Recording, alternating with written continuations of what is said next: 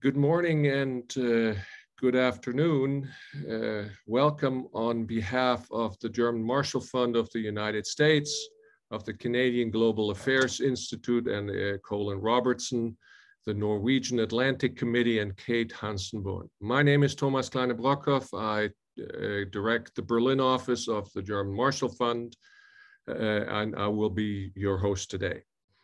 So today, we would like to present and discuss with you the NATO strategic shadow strategic concept uh, of 2022. Uh, it is being released today. In fact, a half hour ago it went live. Uh, it will be on uh, uh, uh, the website of the German Marshall Fund and subsequently on the websites of our two partner organization in this uh, in this endeavor. Now, it is no secret that since uh, 2010, uh, when uh, the last strategic concept uh, of NATO was released, uh, the strategic, strategic environment has changed dramatically. Russia's threat and aggression against Ukraine and its challenge of the European security order um, is only the latest, uh, uh, and it is a very stark reminder, but it is by far not the only factor uh, leading to this project. Um, but it reminds it, us of its urgency. So uh, therefore, that new strategic concept is to be released uh, in June of 2022. And uh, so in the run-up of, uh, of the, the June uh, release, um, the Alphen Group, and I'll get to what that actually is in a second, is presenting today a shadow concept to inform the process leading up to the June concept, uh, to present ideas leading into that concept, to prioritize ideas, uh, and to just generally cre uh, add creative impulses to the debate around uh, the upcoming strategic concept. This is not your regular think tank paper.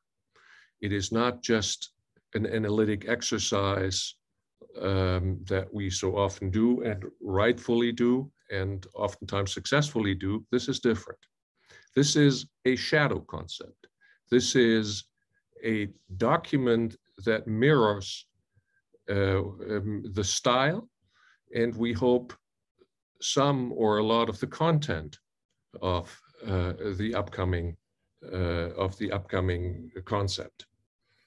Um, so, who is the Alphen Group?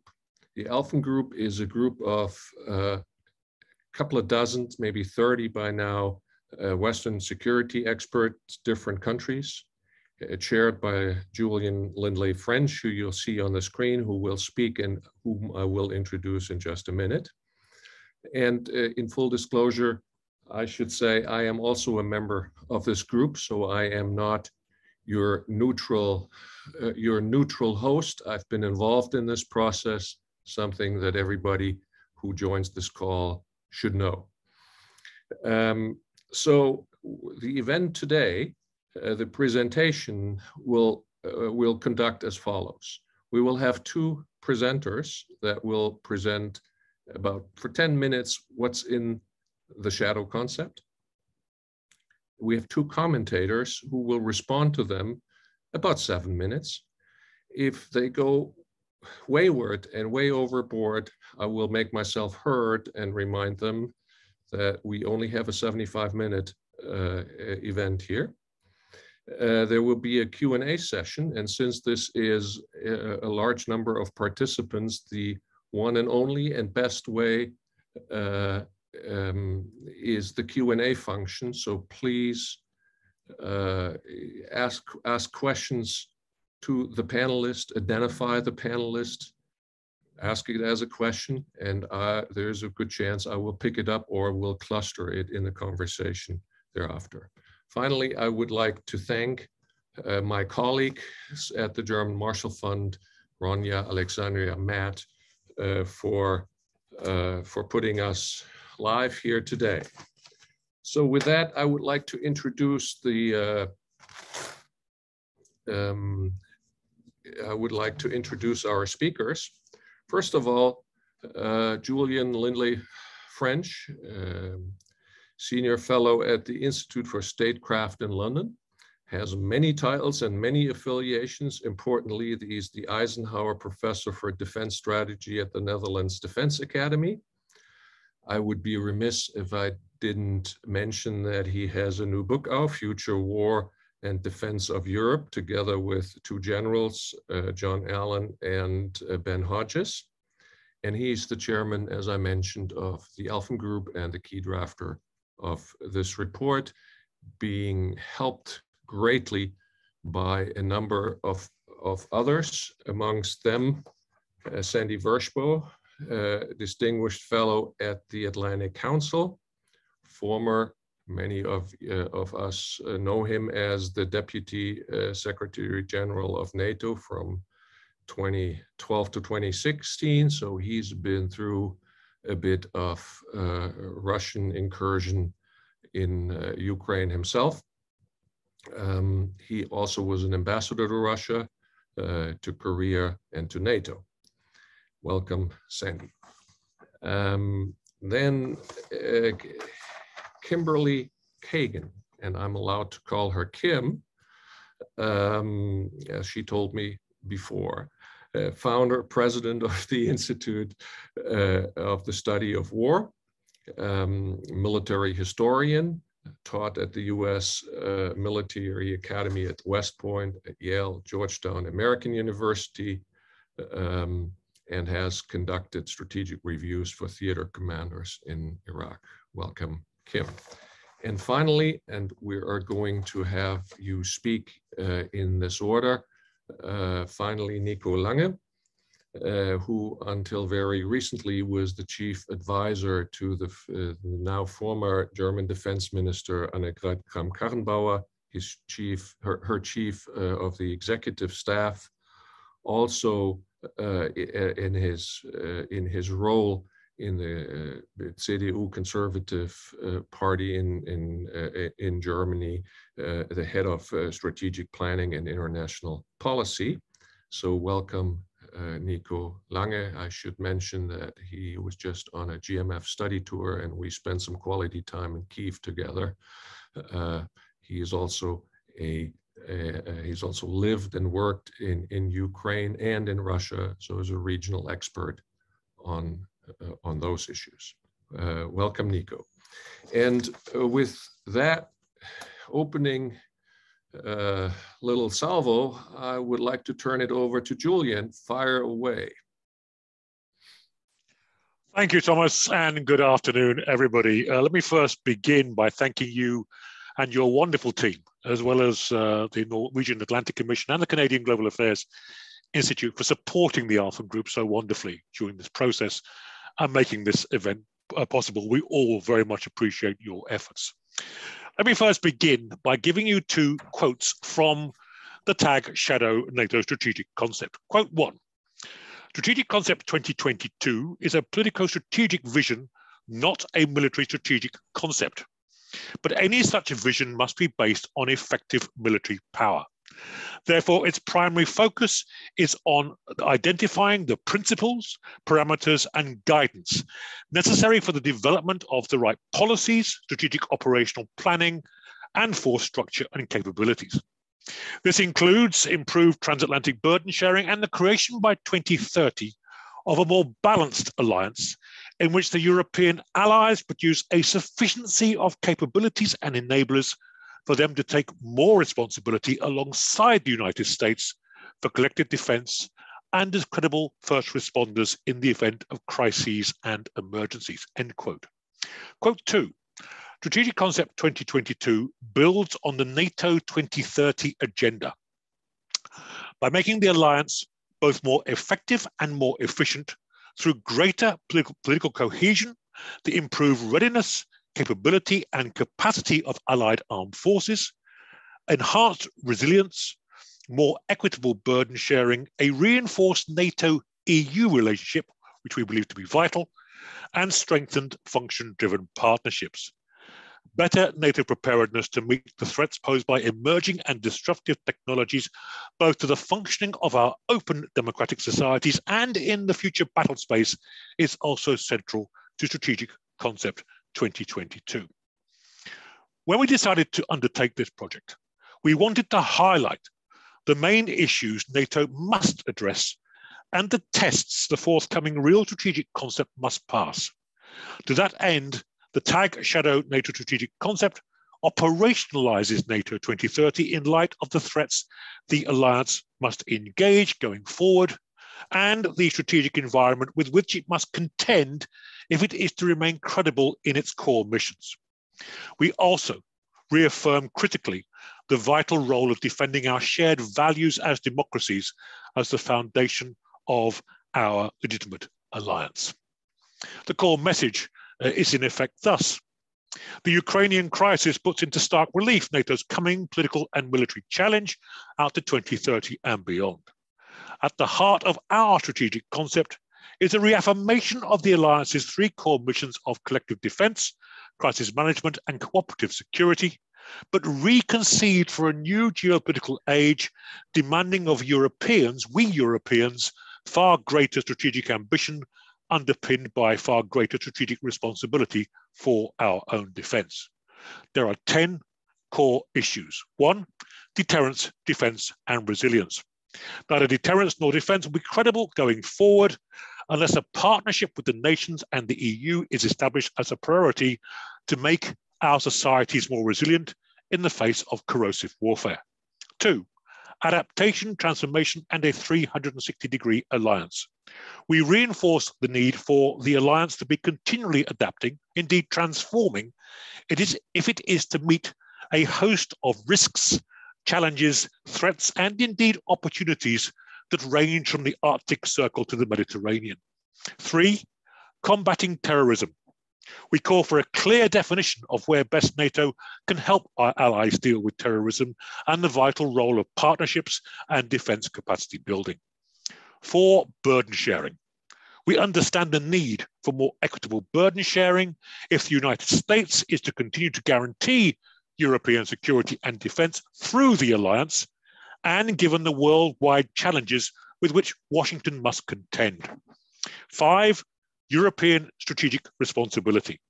We call for increased NATO-centric European uh, strategic responsibility and a clear understanding and acceptance of the costs, burdens and risks that we Europeans will need to bear collectively if the alliance is to continue to fulfill its duty to its citizens. Six, closing the deterrence gap. The Ukraine crisis has revealed the existence of a deterrence gap in the east of the alliance that must be plugged by more forces with better capability at a higher state of readiness and able to move and fight together. Seven, NATO's world. We do not call for a global NATO, but a, neighbor, a NATO that is firmly embedded in the real world and thus able to assist the US cope with the consequences of China's rise. Eight, arms control we reconfirm the centrality of our Euro-Atlantic Security and Defence Alliance to peace, security and stability in Europe through reinvigorated arms control. Nine, human security. We call on the alliance to play its full role where possible in wider security, including climate change and women, peace and security. And 10, this must be a game-changing strategic concept, which is why the Alphen Group has written what we believe is a game-changing shadow strategic concept, and we recommend it to you. To conclude, ultimately NATO is a politico-military alliance, the core business of which is deterrence, and its critical asset legitimate fighting power. Therefore, NATO's future credibility as a defensive alliance will rely on NATO balancing firepower, people power, and tech, power to meet the challenge of multi-domain warfare in a digital age. The center of gravity of the next strategic concept must be the force concept and force structure. And there is already, these are already being driven by the Concept for the Deterrence and Defense of Euro-Atlantic Area, or DDA, and SACEUR's uh, Area of Responsibility-wide Strategic Plan, as well as the family of plans that underpin both strategies that are already forging greater coherence in the alliance. That's the bottom line, ladies and gentlemen. The commitment made at the June 2021 summit to implement these initiatives and related work on force structures must thus be a central theme in the real strategic concept because this is where NATO truly adds value and must also be driven forward to some form of culminating point, an outcome, if you like, which is why the centerpiece of the Alphen Group's NATO shadow strategic concept is our call for a new European led, US and Canada friendly Allied Command Operations Mobile Heavy Force or AMHF. Thomas, thank you. Thank you, uh, uh, Julian. And yes, I can second the recommendation to read it, and it is now possible to read it. Over to Sandy. Thanks very much, Thomas. And uh, it's a great pleasure to be uh, with you today to help launch the Alphen Group's Shadow Strategic Concept. I have the dubious honor of having been involved in all three of the previous post-Cold War strategic concepts in uh, my early assignments at NATO in 91 and 99, and again in 2010 when I was working at the Pentagon. And I'm glad to have the chance to uh, shape the new one, at least vicariously, thanks to Julian's initiative uh, and thanks to our three uh, sponsors for, for making this possible. The 2022 edition of the strategic concept will be the most challenging yet, given the unprecedented complexity of the security environment that NATO now faces. Our shadow strategic concept tries to address multiple new threats, systemic rivalry with China, climate change, and emerging disruptive technologies, uh, along with internal challenges to NATO's cohesion and decision-making. As Julian said, for NATO to succeed in dealing with all these formidable challenges, the new strategic concept needs to be a game changer. Now, that said, the strategic concept's value will be judged primarily on how well it prepares the alliance to deal with the old threat. That is uh, still the most immediate and pressing, an aggressive revanchist Russia that is waging a multidimensional war against the West with the goal of overturning the rules-based order and reversing the changes in Europe uh, following the end of the Cold War an effort that would make uh, that would take Europe back to the days of spheres of influence.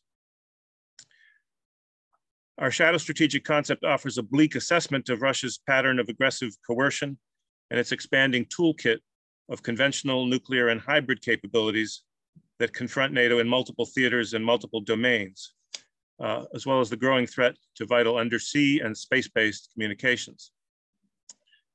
The document reaffirms the two-track approach of deterrence and dialogue uh, that NATO adopted after 2014 and pledges to uphold the NATO-Russia Founding Act, although I have to say this is a commitment that may need to be reevaluated between now and the Madrid summit uh, if Russia continues to, uh, to violate this and other post-Cold War agreements, as it's doing in the crisis with Ukraine.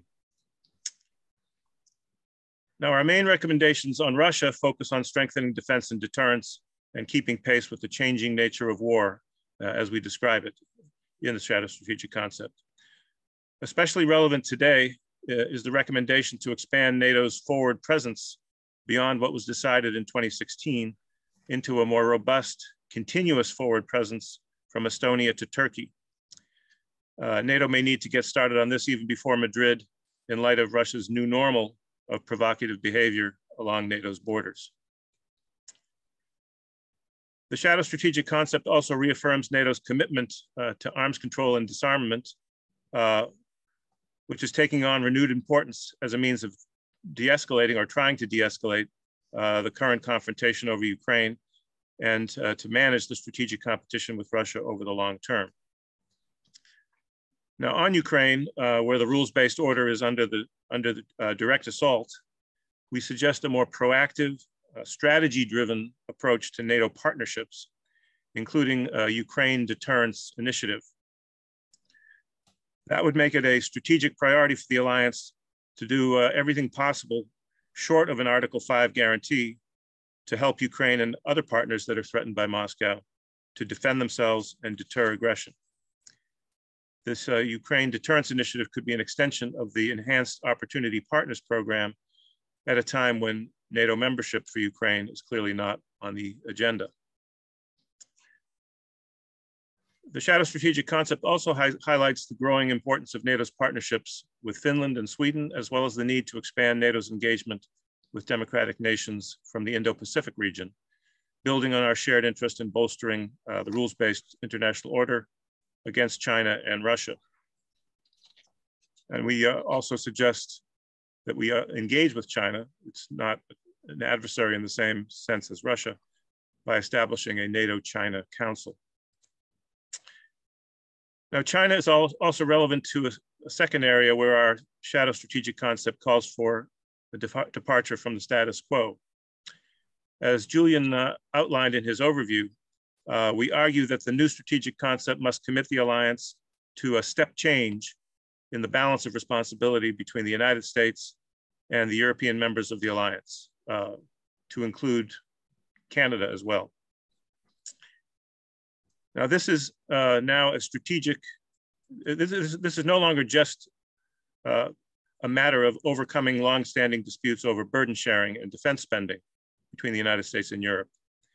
It's now a strategic necessity because the rise of China as a strategic competitor uh, creates a US need to shift its strategic focus to the Indo-Pacific region. And in these circumstances, NATO can no longer afford its excessive reliance on the United States, either for collective defense or for crisis management and cooperative security missions beyond Europe's borders. Clearly, in an Article 5 contingency with Russia in the Baltic or Black Sea regions, the United States may not always be able to deploy adequate reinforcements to Europe because of competing demands on its forces uh, in the Indo-Pacific. So European allies uh, will need to be able to pick up most of the slack.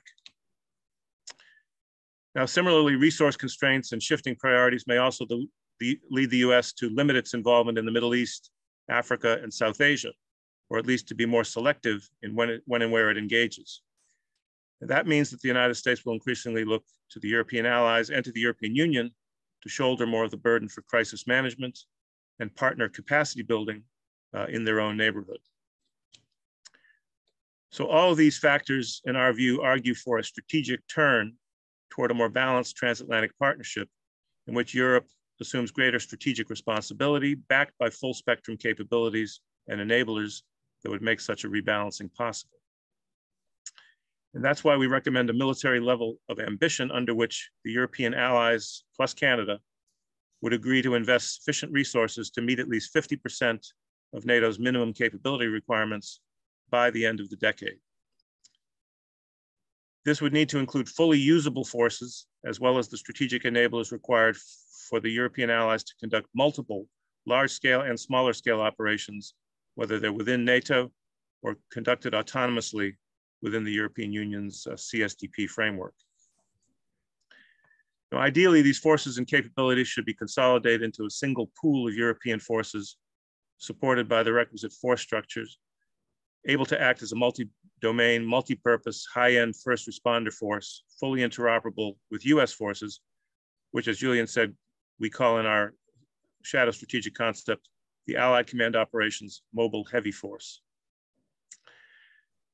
Allies' agreement to this higher level of ambition would enable the uh, uh, enable NATO to get past ideological debates about the meaning of strategic autonomy and focus on a more equitable division of labor, uh, an enhanced European role in collective defense alongside the United States, and a first responder role in crisis management in and around NATO's neighborhood. Finally, uh, let me just reinforce a core message of our shadow strategic concept, uh, namely that the Alliance should maintain the three core tasks established in the 2010 strategic concept, uh, collective defense, crisis management, and cooperative security. Uh, but we further recommend establishing a new priority of enhanced resilience to cover the full spectrum of challenges and risks to our societies and to our armed forces. Uh, resilience, which some people suggest should be a fourth core task, we see as uh, cutting across all three uh, and we don't suggest a change in that regard. Now, meeting the core tasks will require further strengthening and modernizing NATO's force structure, building on the decisions taken since 2016 to beef up NATO's deterrence and defense posture. NATO's multi-domain force architect architecture uh, must ensure that the right forces are in the right place at the right time. And this requires creating a culture of readiness through the full implementation of the NATO Readiness Initiative uh, beyond its uh, headline 430s elements. And it means also ensuring full military mobility across Europe and safe transit across the increasingly contested North Atlantic. So uh, we hope that uh, our shadow strategic concept will uh, inspire the, the, the, drafters of the real one. We're just getting uh, to work on drafting the real thing. And I look forward to uh, the reactions of our, of our guests and to our audience. Thanks very much. Thank you, Sandy. And the first question is whether this inspired our respondents or made them look at this in a more critical view. So I'm going to turn it right over to Kim, Kim Kagan for her first reaction to what she has heard. And by the way, has been able to read beforehand.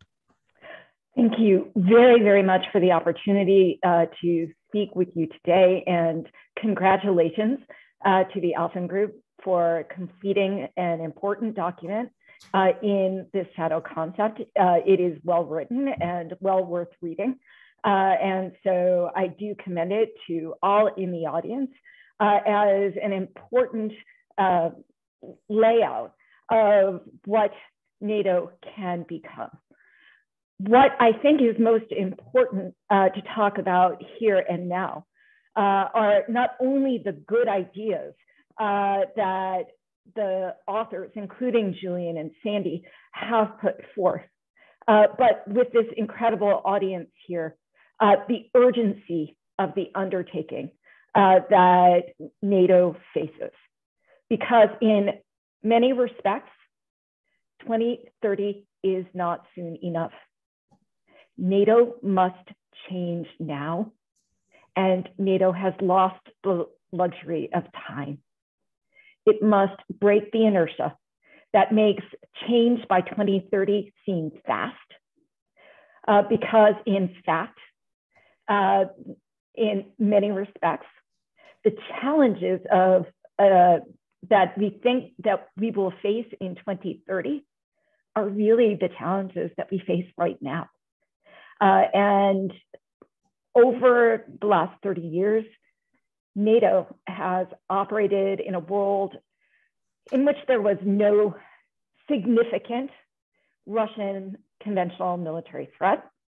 Um, there was some conventional military threat, uh, as we saw, uh, and as we have been seeing uh, since 2014, indeed since 2008 and other times.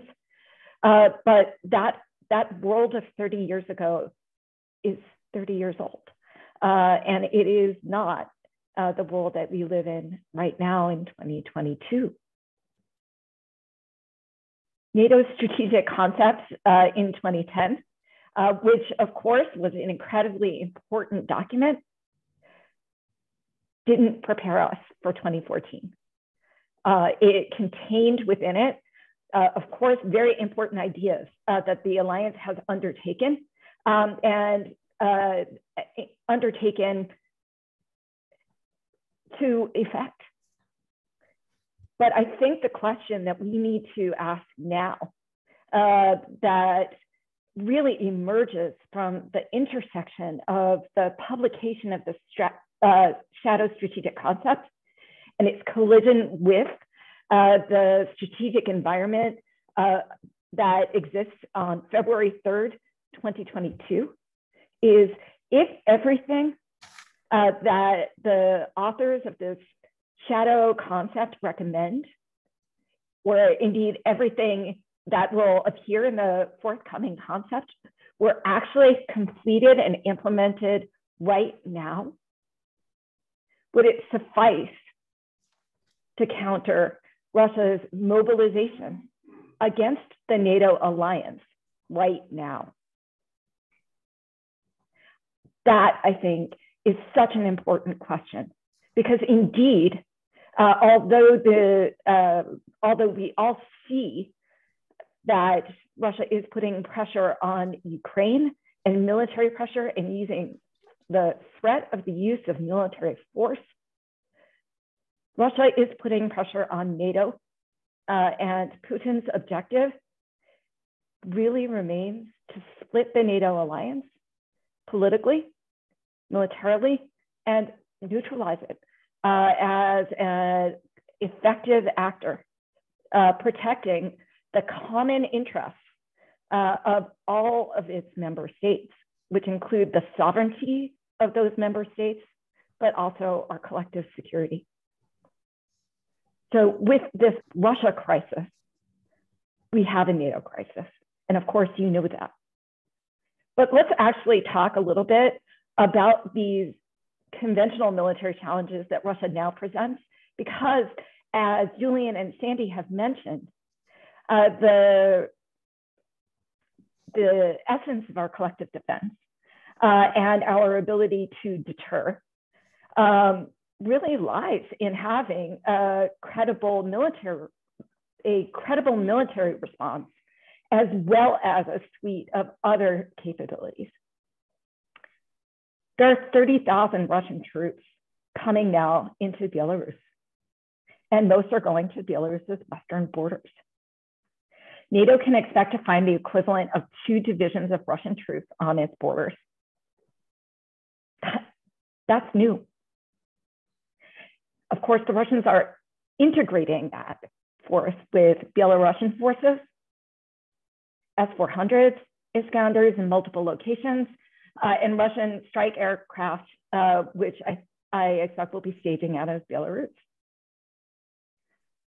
That changes the time-space relationship for the challenges uh, that Russia poses. It means that Russia can act with more force faster against more of us and against our own uh, collective responsibility. So in 2030, we must actually contemplate a geopolitical and geostrategic situation that we do not want. How are we going to defend the Baltic states? Will Russia be threatening Poland by 2030? How do we stop Russia from turning the Black Sea into a Russian lake or the Baltic Sea thereafter? And how do we deal with the hybrid warfare uh, that Russia is conducting uh, that goes from pure information campaigns all the way through uh, to, and up to uh, major conventional war, uh, perhaps with the use of nuclear weapons. That's our challenge now. Um, and so the time in which NATO needs to modernize uh, is now. Uh, the threat that it needs to face does include its traditional purpose.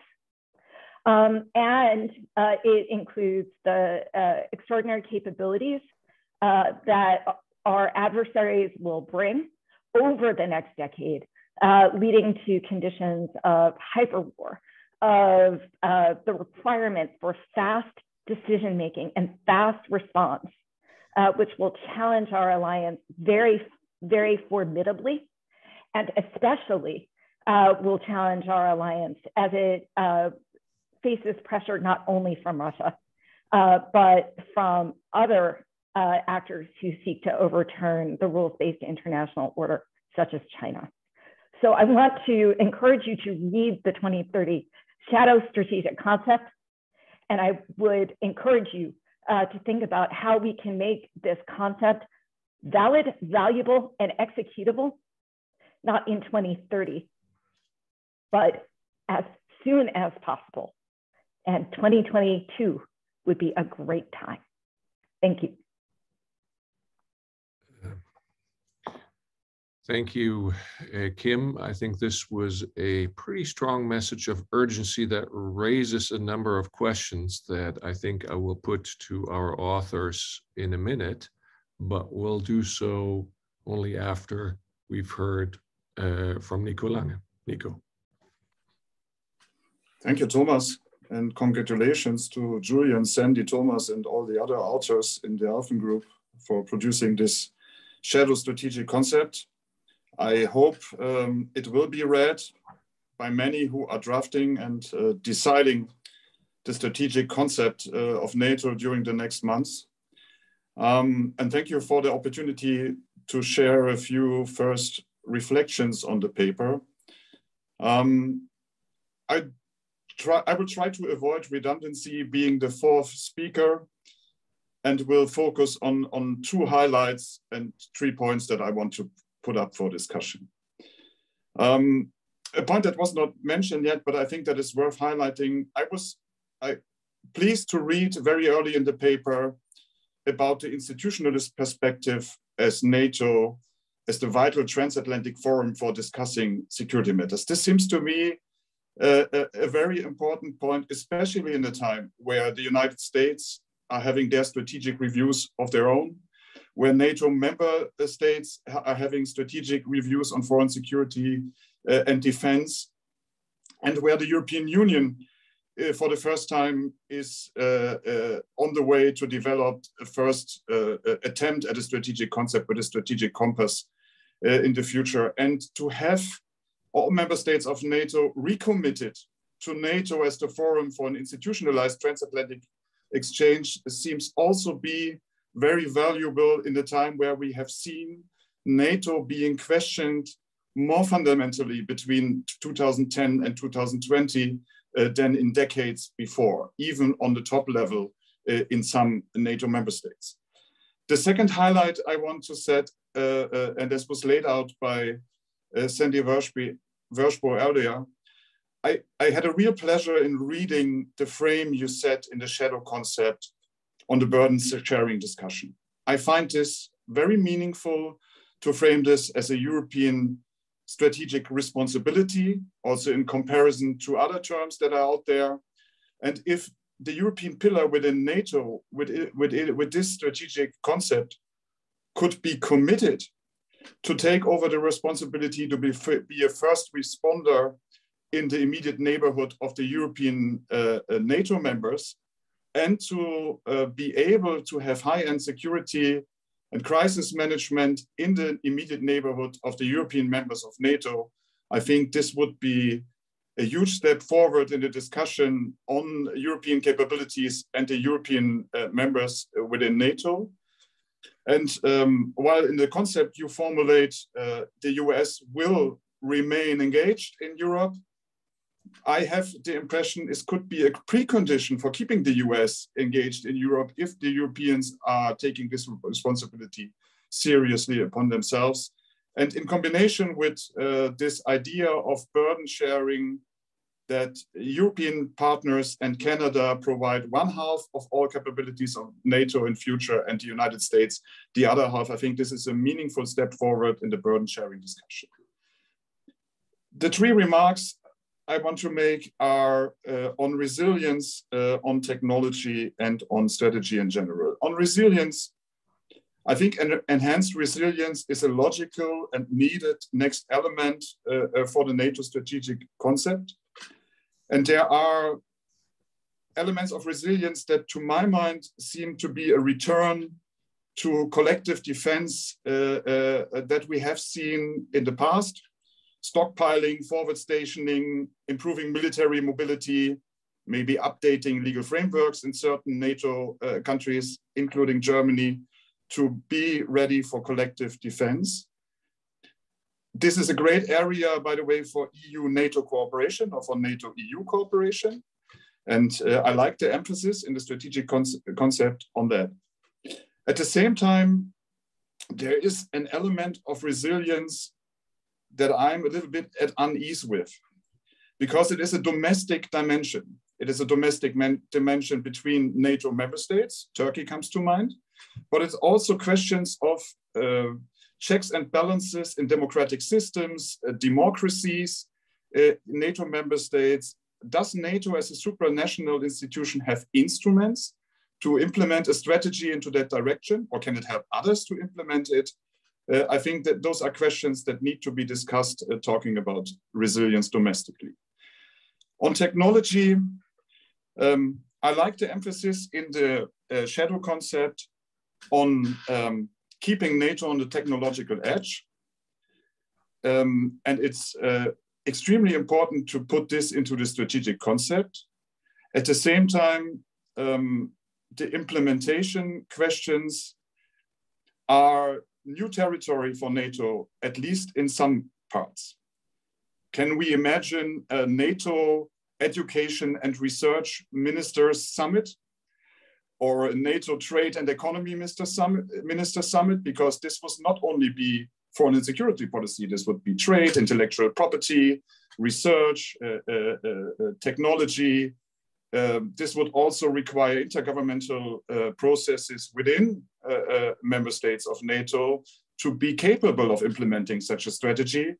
Um, this is not necessarily an argument against it, but it just means the ambition is high if such a uh, technology strategy of NATO should be implemented.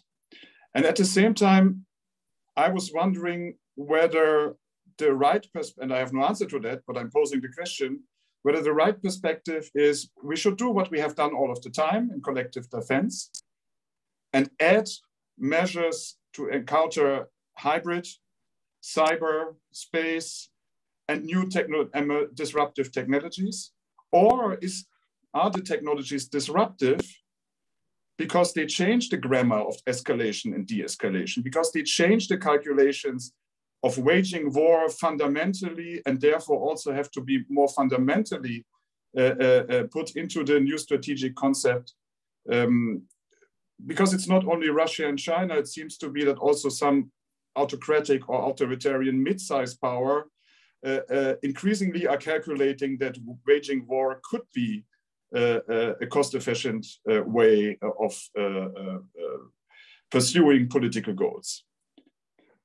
And uh, uh, as a parenthesis, this includes a lot of procurement questions in a time where members of governments and parliaments are looking into defense procurement very often from an industrial policy and labor policy angle.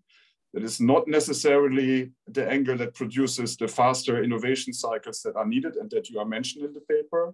And of course, this it includes also, I put it a little bit uh, uh, frankly, uh, a tendency towards technologic, technocratic over-planning procedures within NATO and within NATO militaries that are not uh, uh, producing the fast innovation cycles we need.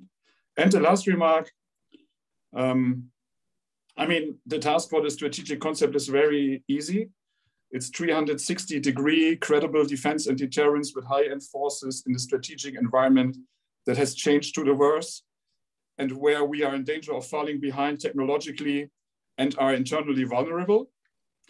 And uh, in the spirit of um, uh, uh, the old uh, wisdom that the essence of strategy is choosing what not to do, I was wondering if um, crisis management, arms control, non-proliferation, climate, energy, migration, and other issues are really tasks for NATO or if NATO should concentrate on becoming credible again and stay credible in the future in defense and deterrence of the transatlantic community on the, in the dimensions land, sea, air, space, and cyber, uh, uh, since it seems to me that the task we, are, we have formulated uh, in this discussion and that you have laid out in the, in the paper is uh, uh, enormous. Thank you very much. Thank you all. We now have a great menu to choose from and the problem of concentrating on a few essential things.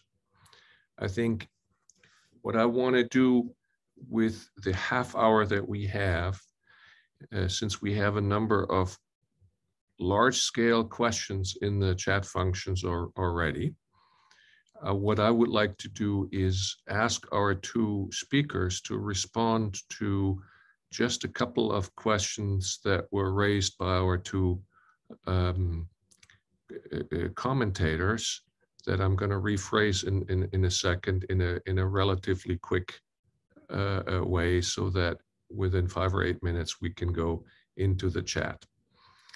So the question I think that Kim raised was the question of urgency. And is what we read in this uh, uh, uh this concept ambitious enough? We have uh, so my ears were ringing when she said uh, NATO has lost the luxury of time. The Belarus situation has changed the time and space relationship. Uh, is 20 is what we're dealing with the, for what we're projecting for 2030 shouldn't that be here today. Um, so strategic environment plus political realism, where does that take you? Um, and Sandy, Julian, how would you respond to that? That would be the first cluster. And the second is, um, so, so that Nico put three interesting elements of questions to you. You might want to choose from them. I would want to just uh, uh, sort of uh, focus them. The tech question, can it be implemented or will it end in technocratic over planning? NATO technocratic over planning? Should we not, I mean, one of the advantages of this shadow concept is its comprehensive nature. What Nico is saying, shouldn't it be, shouldn't we be concentrated more? Those two maybe. Sandy, Julian, want to go first? Sandy, do you want to take the first shot of that? Okay. Uh, thanks very much. Uh, we, we, we wanted to hear these kinds of uh, questions and criticisms. Yeah. Uh, I would say to Kim, you, you, of course, you're absolutely right. And with the unfolding crisis along Ukraine's borders, with the deployments of forces in Belarus, which may become permanent, with the potential even uh, de deployment of nuclear capabilities with those Russian forces, the situation is evolving in a much uh, more dangerous direction, uh, even as we speak. Uh, I would say, on, on one hand, because NATO isn't starting from scratch, even though the 2010 strategic concept became completely out of date when the Russians uh, invaded Ukraine in 2014, uh, NATO has been working to redefine the strategy and, and the threat assessment uh, de facto uh, you know, through the decisions being taken uh, to strengthen deterrence and defense, uh, starting at the Wales summit, but moving through the 2016, 2018, and 2021 summits. So we're, uh, we're not starting from scratch. At the same time, what we recommend uh, is certainly a risky approach that I, as I said, see a strategic necessity, not just a, a nice to have, uh, that the European members of the alliance contribute even more, uh, including high-end capabilities, uh, so that they can do a, a, larger part of the collective defense mission. Uh, and take over the first responder role in crisis management, which is, we can be selective there, but we can't be selective in dealing with the Russians. Uh, and of course, previous efforts at uh, stronger European defense have disappointed, to put it diplomatically. Uh, and Europe seems, if anything, demoralized in the current environment. Uh, I was at a dinner in Paris uh, the other night in which a former French ambassador said, Putin has killed European defense. Europe needs to kind of pull up its socks and get serious about it, which will mean spending more money. Uh, but I think you know the, the NATO strategy is evolving quickly. The commanders have, have come up with these uh, deterrence and, and, force concepts, warfighting concepts. Uh, but it's going to take a Herculean effort to implement them. Implement them, and I agree that uh, we have to have more of a sense of urgency uh, at, in, in, the real strategic concept, or we're going to be playing uh, catch-up ball vis-a-vis the Russians uh, here and now, and not have that luxury of time that you you warned us about. So uh, hopefully the realities of that are already sinking in. Uh, we're seeing the U.S. as, as, it, as it did in 2014, taking unilateral steps to kind of uh, motivate the rest of the alliance with the uh, ongoing deployments to the eastern flank, which are stopgaps. They're not the, the, permanent solution, but it shows a readiness to uh, recognize that what has gone before since 2014 is only a starting point. We need a, an approach that is going to be much more uh, focused on what, what is going to be a, a standing, permanent, uh, multi-dimensional threat from, from the Russians on a daily basis. And while we may hope that diplomacy can de-escalate the immediate crisis, Putin is not going to give up his revisionist ambitions uh, for the sake of a few arms control agreements. Anyway, I'll stop there. Thank you, Sandy. I'll jump in uh, if I may. Um, dealing with the issue of urgency, yeah, Kim, you're right. Um, but this is a, a minimum set of standards as far as we as a group are concerned. Um, if the alliance can't meet this set of objectives, then we're in trouble. And implicit all the way through the discussions was a need for European leaders, particularly Western European leaders, to get over their almost a mindset problem, a denial problem that the worst, the bad can never happen. I mean, what we're watching is it can. I mean, look at today. We've had the Divida and Impera initiative by Moscow to rather than talk about NATO, to talk to each individual European country, where the objective is very, very clear. Um, the other issue driving us was how do you balance the broad spectrum of missions? Yes, Nico's point is right that NATO is the ultimate warfighter as the core of its deterrent posture. But NATO's expertise, the, the, the force planning, the defense planning, all those standardization efforts over 70 plus years means that it must cover the full spectrum. And, uh, and a real challenge inside the, the concept was where is NATO in the lead and where are the nations in the lead with NATO behind it? And that's going to require a new concept of, of, of partnership. And I'll go as far as to say the next 70 years, the next 10 years will see the equivalent of 70 past years of mainly civilian-led technology into the battle space. And NATO's really got to grip that mentally as a concept. Uh, but it can only do that if the nations let it. And if the concept is yet another what I regard as exercise as placing political cohesion as, an, as a public good in its own right at any cost, even if that means a lack of effectiveness, uh, then I think there is a danger to NATO from that. And the danger is that countries like Sandy's and perhaps my own, particularly in the naval domain, would simply step outside the institutional framework because we cannot make this alliance work to our ends. I think that would be a tragedy myself. I believe in the institutionalization of European security because it prevents extreme state behavior. But we've also got to be effective. And the Americans will need effective allies and partners to be credible. And that's why, in, in, in a sense, the defense industrial challenge that Nico touches upon is vital. If we continue what I regard as almost a criminal past practice of seeing defense industries and the technological base as an extension of employment policy uh, with protective metal, protected metal bashes becoming further and further behind the cutting edge of technologies in defense, then I'm afraid we Europeans will almost deserve uh, uh, the fate that would face us. We have to look at reality in the face. The only way we're going to field the equipment that our forces will need at the price they can afford in the time and quality that is vital is if we look at a strategy-led European defense and technological industrial base. It is vital. There is no way around this. And we've got to overcome our parochialism and work with the Americans to generate that kind of capacity. If not, I'm afraid we will fall further and further behind. Why?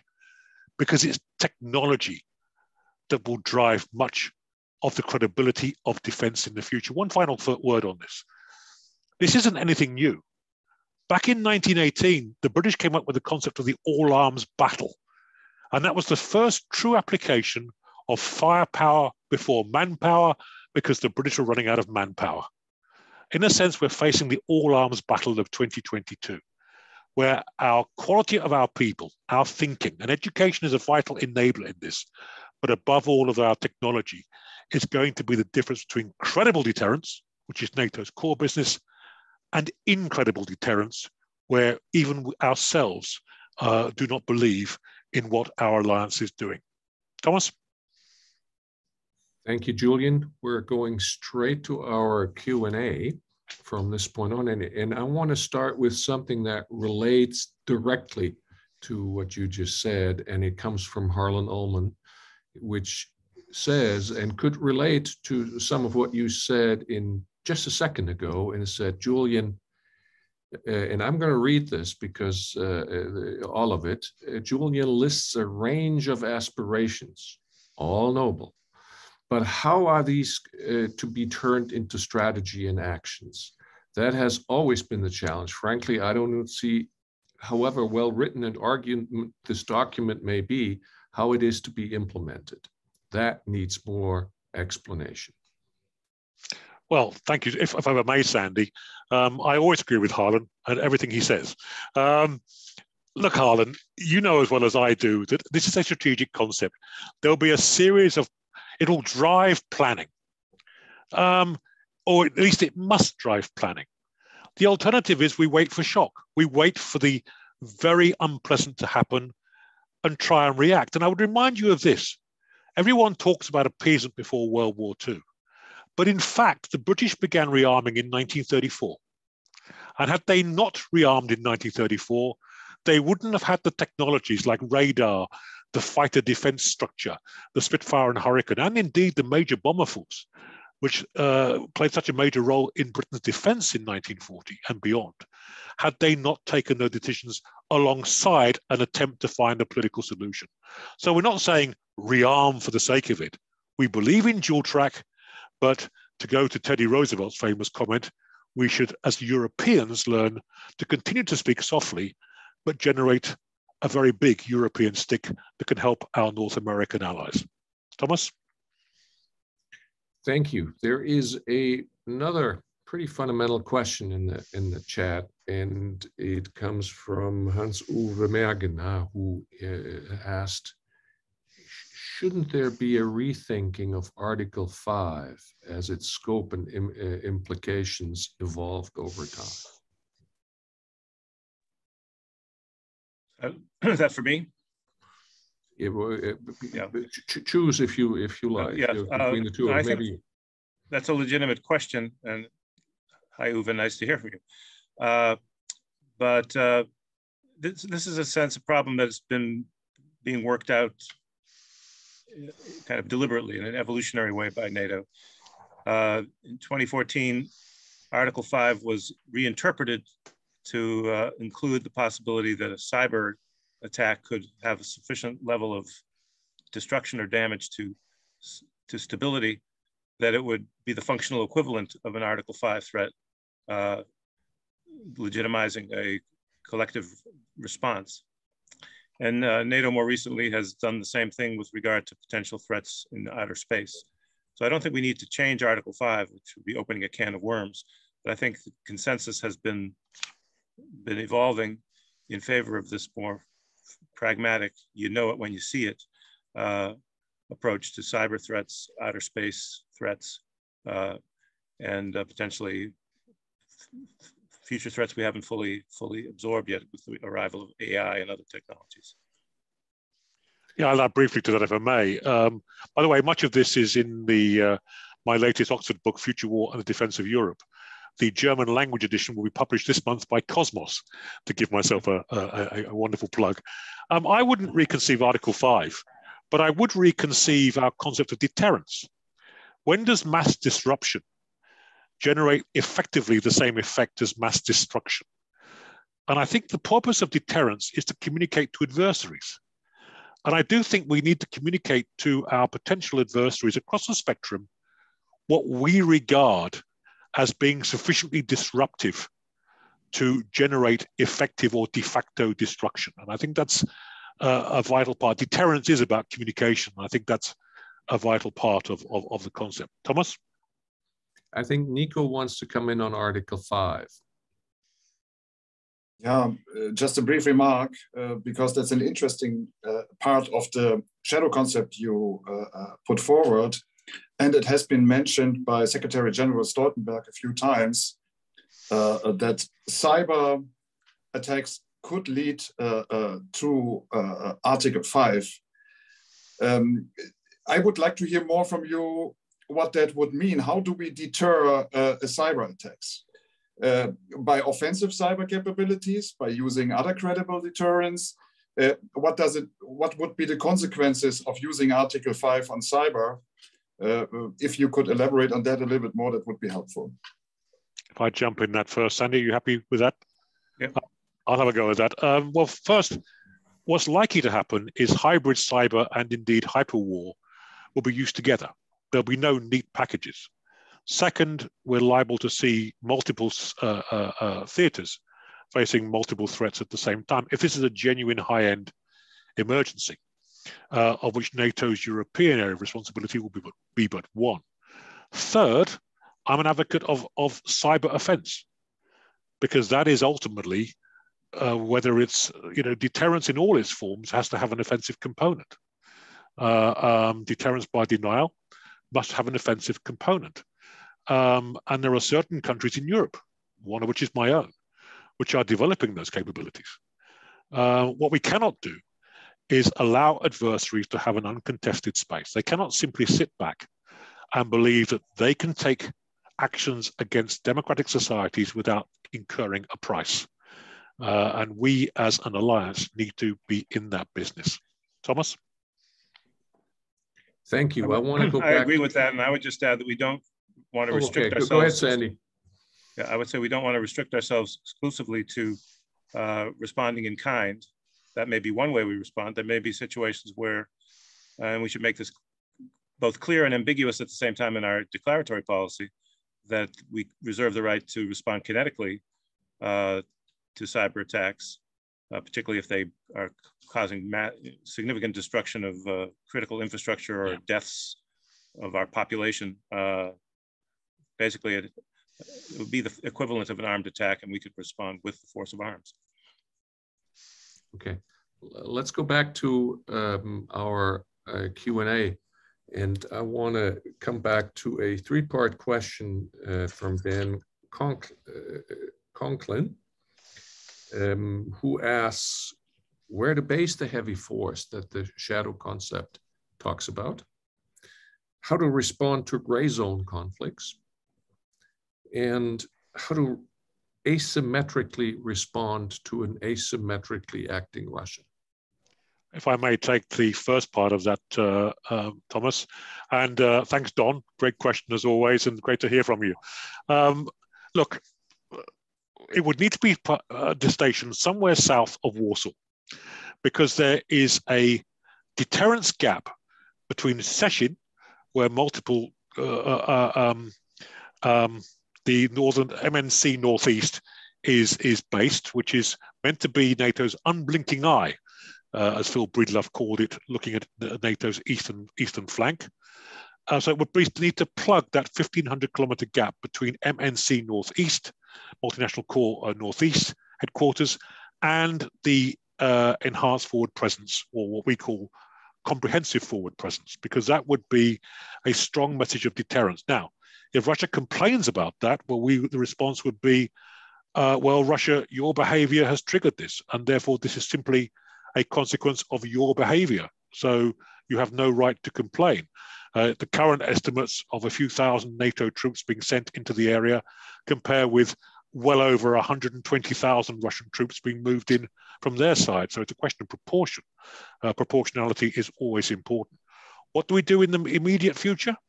We move HQ Allied Rapid Reaction Corps from Innsworth in Gloucestershire because it's the most capable uh, NATO deployable corps to uh, that uh, new headquarters somewhere near uh, Warsaw. It's reinforced by a US corps, and then that becomes a development headquarters for the future Allied mobile heavy force. I hope that answers your question, Don. Um, Jakub Godzimirski is asking about energy security, which is mentioned in the report, uh, how to cope with NATO's energy dependence on Russia. Uh, that is the main challenge and the main energy supplier to European members. Maybe, Sandy, you want to start on this one? Yeah, I think this is an area where NATO largely has a both a supporting role and at the same time can be a, forum for raising consciousness, raising awareness through intelligence exchanges. But NATO isn't the policy making or decision making body to set European policies on reducing dependence on Russian energy. Uh, but it is a factor in uh, going forward in, in the, the nature of the threats we face.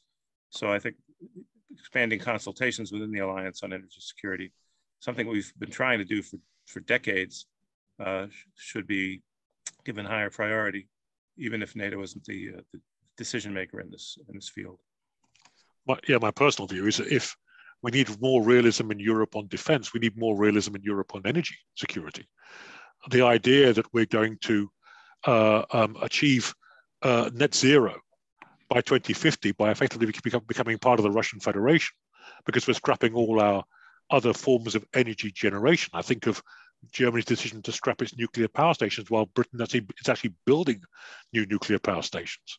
Whilst we have large amounts of uh, gas under Northern England, which could huge amounts, which could be fracked as a transitional energy source to lessen our reliance on aggressive powers like Russia, whilst we still move towards renewables.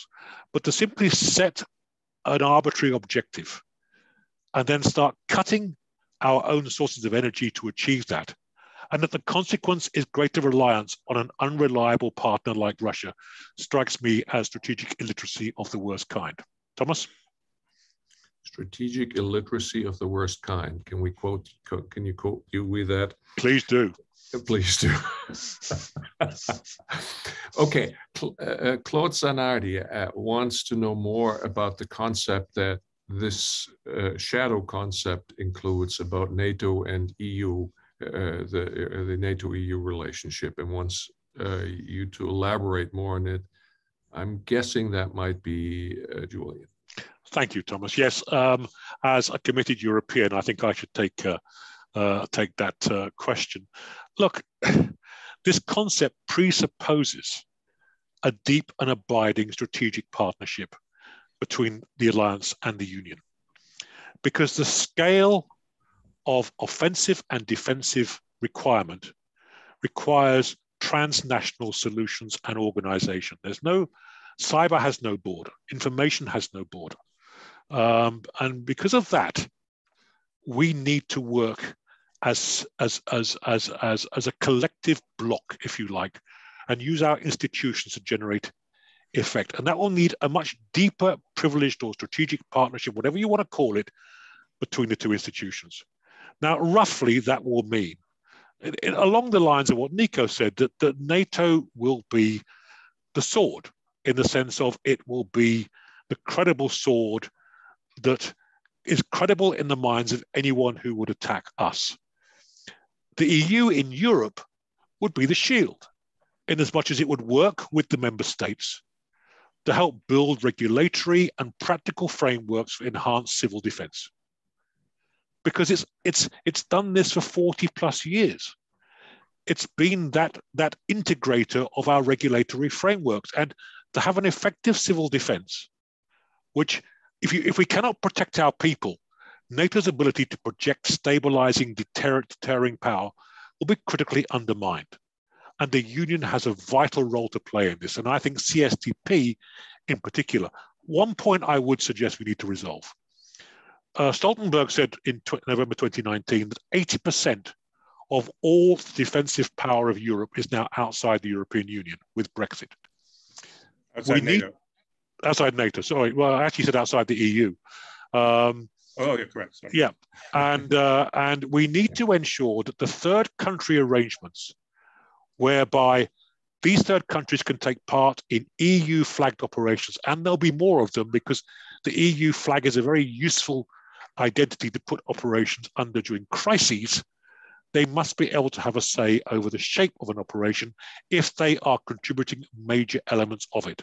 And I can tell you in my conversation with London, we will not commit our forces unless we have a say over the shape of operations. And as you know, we can commit very considerable forces uh, and even more so in the coming future. Sandy. Yeah, I agree with all that. And I think there has to be a politi political decision that sticks inside the European Union to coordinate all this through NATO with the NATO defense planning process. Uh, we can't afford to have competing frameworks for setting force requirements and uh, trying to achieve industrial cooperation. This has to be a, a partnership. There have to be flexible command arrangements so that EU-led operations uh, can draw on NATO intelligence, command and control uh, based on agreed protocols and not try to make it up as you go along. Uh, so this is all very ambitious. Uh, these things have been tried in the past. We had the Berlin Plus initiative. Uh, they found it over political disputes between uh, whether Turkey can become a partner in, in, in an EU-led operation. Uh, but unless we address these political issues, uh, this isn't going to work. Yeah. Okay, so we have four minutes to go. I have one question that is a clarifying question from the chat that I would like to put to Julian. Um, we will have to forego a set of question, interesting questions pertaining to how to operationalize some of the uh, of the wider ranging uh, issues. Climate, there's a couple of climate questions here on cyber, on space, on Arctic. We can't get that done in our time space because I would like to give the last words to Kim and Nico to sum up what they have heard in this conversation, whether that changes their perspective on what they've initially read and how they would uh, how, how they would sum up and, and comment on the conversation that, that we have had.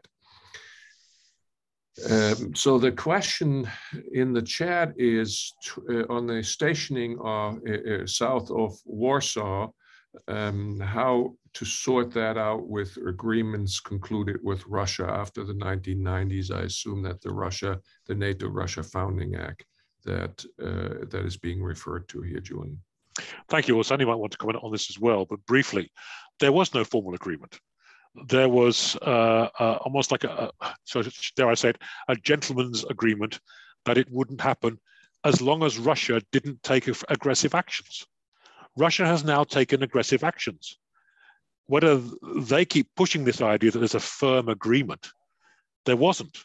And even if there was, should we say, an implicit agreement, their own actions in Crimea and elsewhere have negated any sway they have over the choices this NATO must make to defend its members.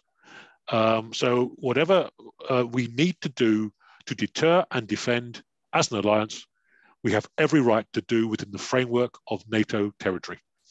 Last words to uh, to Kim and Nico. And Nico, I would uh, specifically, when you got the the very last word, maybe to respond to uh, to Julian's uh, uh, statement about his perception of the NATO-Russia Founding Act and how that would play with a German perception here. Kim, fire away. Thank you so much. Uh, and again, congratulations to Julian and to Sandy. Uh, do read uh, their truly excellent um, report here, their shadow strategic concept. Uh, I think that they have published at a time that really brings into focus uh, the requirements that face the NATO alliance. Uh, and the uh, requirements will grow. Uh, they will not shrink, they will not go away. Uh, and I think the document that they have put forth and so wonderfully described today makes an important case uh, for change um, and an important case for change uh, within Europe. Um, and I want to say thank you uh, for doing that. I think uh, the Transatlantic Alliance is an amazing and wonderful institution, and it rests on the transatlantic component, uh, the European component.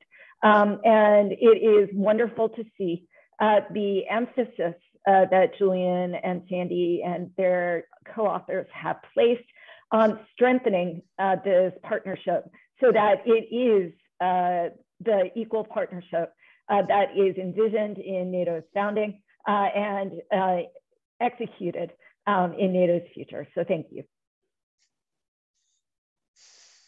Over for last words of wisdom from Nico Lange.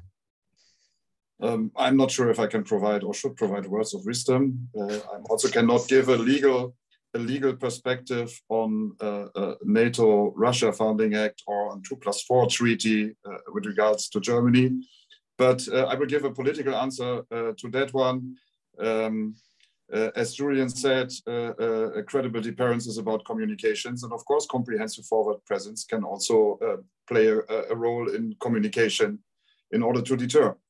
And my last remark would be um, um, coming back to the technology issue, um, it would of course be great to clarify, and it seems to be necessary to clarify what the deep transatlantic security relationship is. And there are excellent suggestions in the paper.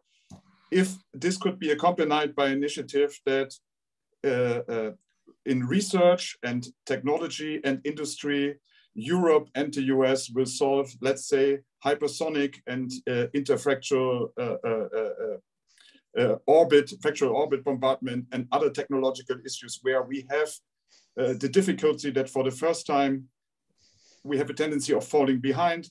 If we can solve this together as Europe and the US, I think that would be a really uh, credible strategic addition to that. Yeah that was what you said it was going to be a word of wisdom at mm. the uh, at, at, the end i find because of of especially that major point that you made at the at the very end nico. Um, i want to thank all participants uh, in in this launch event. I would like to thank our our participants online. I would like to encourage you not only to read it but also to circulate it, to circulate the ideas in it. Um, I can, I think I can speak for Sandy and for Julian and the group that they will be happy to receive if you so think it is valuable uh, invitations to further circulate the concept in your in your respective circles. I think we they would be happy to uh, to to look at that. Um, so thank you very much. And with that, have a good day. Thank you, Thomas. Bye-bye. Thank, thank you all.